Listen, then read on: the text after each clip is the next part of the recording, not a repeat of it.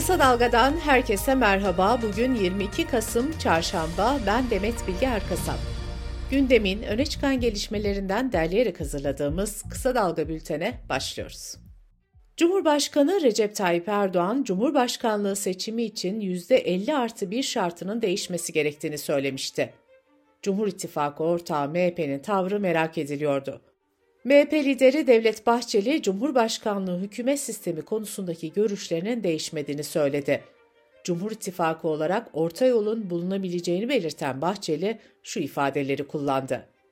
Milletvekili seçmiyoruz, belediye başkanı seçmiyoruz, muhtar seçmiyoruz, Cumhur'un bütününü temsil edecek Cumhurbaşkanı seçiyoruz.'' CHP Genel Başkanı Özgür Özel ise Erdoğan'a seslenerek ne değiştirirsen değiştir, emin ol bizimle birlikte anayasa değiştiremeyeceksin dedi. HDP eş genel başkanı Tuncer Bakırhan da 50 artı bir tartışması ile ilgili şu açıklamayı yaptı. Küçük ortakla birbirlerine girdiler. İçinde toplumun kendisinin olmadığı sistem yıkılmaya mahkumdur. Anayasa Mahkemesi'nin Türkiye İşçi Partisi milletvekili Can Atalay hakkında verdiği hak ihlali kararının uygulanmaması üzerine CHP mecliste adalet nöbeti başlatmıştı. CHP lideri Özgür Özel bu eylemin süreceğini söyledi. CHP Grup Başkan Vekili Ali Mahir Başarır ise Meclis Başkanı Numan Kurtulmuş eleştirdi. Başarır, mecliste 24 saat eylem yapılırken meclis başkanının çıkıp açıklama yapmamasını kınadıklarını söyledi. İyi Parti'de peş peşe gelen istifalar ve suçlamalarla başlayan gerilim sürüyor. İyi Parti Genel Başkanı Meral Akşener kendisi, ailesi ve özel kalem müdürünün hesaplarını yasa dışı biçimde incelettiği iddialarının ardından Sakarya Milletvekili Ümit Dikbayır'ı ihraç istemiyle disipline sevk etmişti. İddiaları reddeden ve suçlamalarla ilgili suç duyurusunda bulunacağını söyleyen Dikbayır, önceki gün yaptığı açıklamada hafta sonu istifa edeceğini söylemişti. Dikbayır dün yeni bir açıklama yapıp istifadan vazgeçtiğini ve sonuna kadar mücadele edeceğini belirtti. İyi Parti'de yolsuzluk iddialarının yanı sıra taciz iddiaları da gündeme geldi.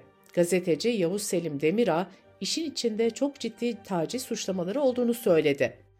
Sözcü gazetesi yazarı İsmail Saymaz da Dikbayır'ın partideki bir kadını tacize maruz bırakması gerekçesiyle disipline sevk edildiğini iddia etti. Dikbayır ise bugüne kadar işitmedim diye yanıt verdi.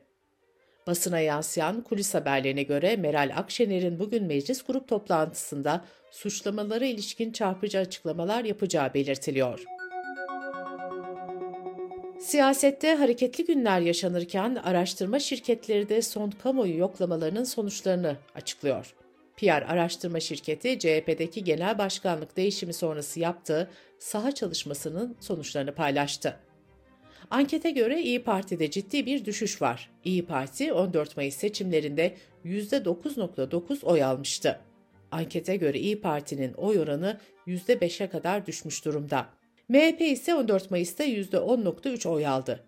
PR'ın araştırmasına göre MHP oylarını 5 puan arttırmış görünüyor.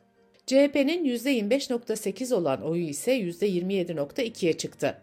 AKP oylarında ise %4.3 oranında düşüş var. AKP'nin oyu %32 olarak ölçüldü. Siyasi partilerin yerel seçim hazırlıkları da devam ediyor. CHP'de adaylık için başvurular dün başladı. Başvurular 28 Kasım'da sona erecek. Aday olmak isteyen kamu görevlileri en son 1 Aralık'ta görevlerinden ayrılmak zorunda. CHP'de yerel seçim takvimi ve belediye başkan adaylığı kriterleri de belirlendi. BBC Türkçe'den Ayşe Sayın'ın haberine göre İstanbul, Ankara ve Aydın dışındaki belediye başkanları memnuniyet anketi ve eğilim yoklamasıyla belirlenecek. Agos gazetesi genel yayın yönetmeni Hrant Dink'in katili o gün Samast hakkında silahlı terör örgütüne üye olmamakla birlikte örgüt adına suç işlemek suçundan hazırlanan iddianame kabul edildi. Samast'ın 12 yıla kadar hapsi isteniyor. O gün Samast 26 Aralık'ta İstanbul 2. Çocuk Ağır Ceza Mahkemesi'nde hakim karşısına çıkacak. 6 Şubat depremlerinin ardından uzmanlar peş peşe deprem uyarıları yapmış ve ülke genelinde yapı testlerinde talep patlaması yaşanmıştı. Aradan zaman geçince deprem gündemden düştü ve testlere olan talep ise neredeyse sıfırlandı. Karadeniz Teknik Üniversitesi'nden Profesör Doktor Ahmet Can Altınışık, Trabzon'da kamu binaları dışında üniversiteye hiç talep gelmediğini söyledi. Devlet yurtlarında peş peşe meydana gelen asansör kazalarının ardından Gençlik ve Spor Bakanlığı tarafından mühendisler görevlendirildi. Bakan Osman Aşkınbak, mühendislerin yurtları dolaşıp asansör sistemlerini kontrol ettiğini söyledi. Bakan ayrıca öğrenci yurtlarındaki asansörlere kare kod yerleştirileceğini açıkladı. Meteoroloji Genel Müdürlüğü hava tahmini uzmanı Murat Acar bugünden itibaren yurt genelinde sıcaklığın artacağını söyledi. Sıcaklıkların yurdun batı kesimlerinde mevsim normallerinin üzerine çıkacağı tahmin ediliyor. Yeni yağış sisteminin de Akdeniz üzerinden geleceği ve ılık bir hava getireceği belirtiliyor. Kısa Dalga Bülten'de sırada ekonomi haberleri var. Merkez Bankası yarın faiz oranını açıklayacak. Ekonomistler genel olarak 250 puanlık artış bekliyor.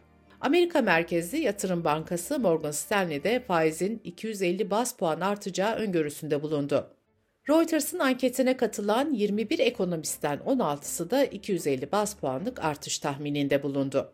Türkiye Ekonomi Politikaları Araştırma Vakfı ise değerlendirme notunda Merkez Bankası'nın politika faizini %40'a yükseltmesini önerdi.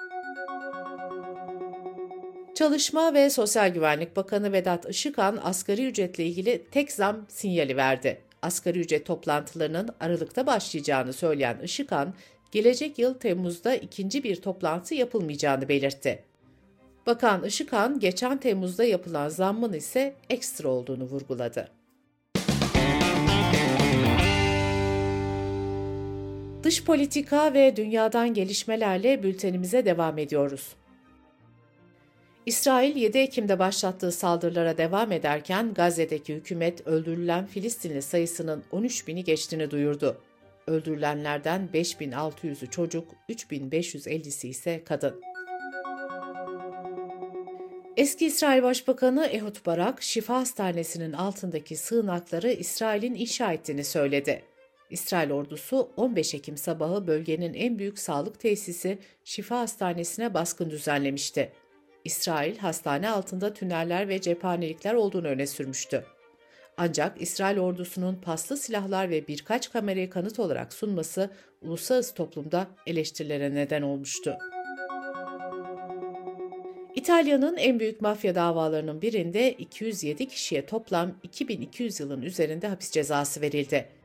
BBC Türkçe'den Övgü Pınar'ın aktardığına göre eski başbakanlardan Berlusconi'nin partisinden eski bir senatör de 11 yıl hapse mahkum edildi. Davada yargılananlar arasında polis, yerel yönetim üyeleri ve iş insanları da bulunuyor.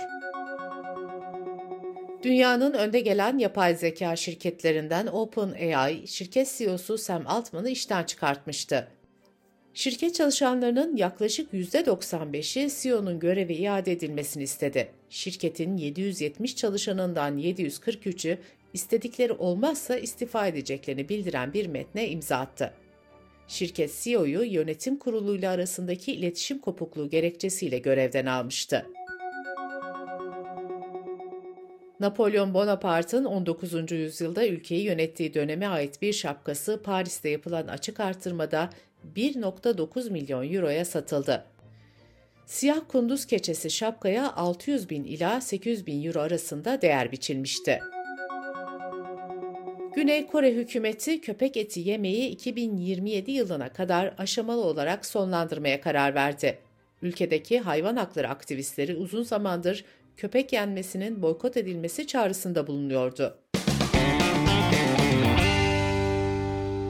Bültenimizi kısa dalgadan bir öneriyle bitiriyoruz. Gazeteci Yeşim Özdemir, Kitap Konuk Kahve Podcast serisinde yazar Mahir Ünsal Eriş'le konuşuyor. Yeşim Özdemir'in hazırlayıp sunduğu podcast serisini kısa dalga.net adresimizden ve podcast platformlarından dinleyebilirsiniz.